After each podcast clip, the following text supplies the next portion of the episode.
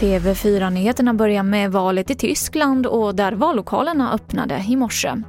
Totalt är det 60 miljoner som går till val när förbundskansler Angela Merkel går i pension.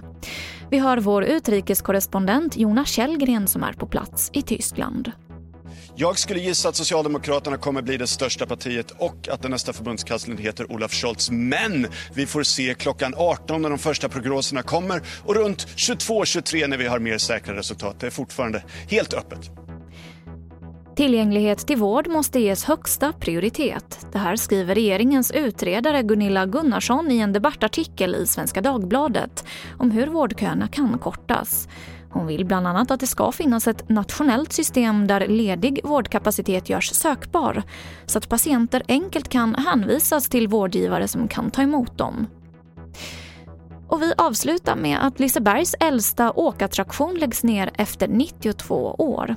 Det är karusellen Virvelvinden som gör sina sista varv när nöjesparken stänger för säsongen nu i helgen. Och nu så ska den ge plats för nya attraktioner.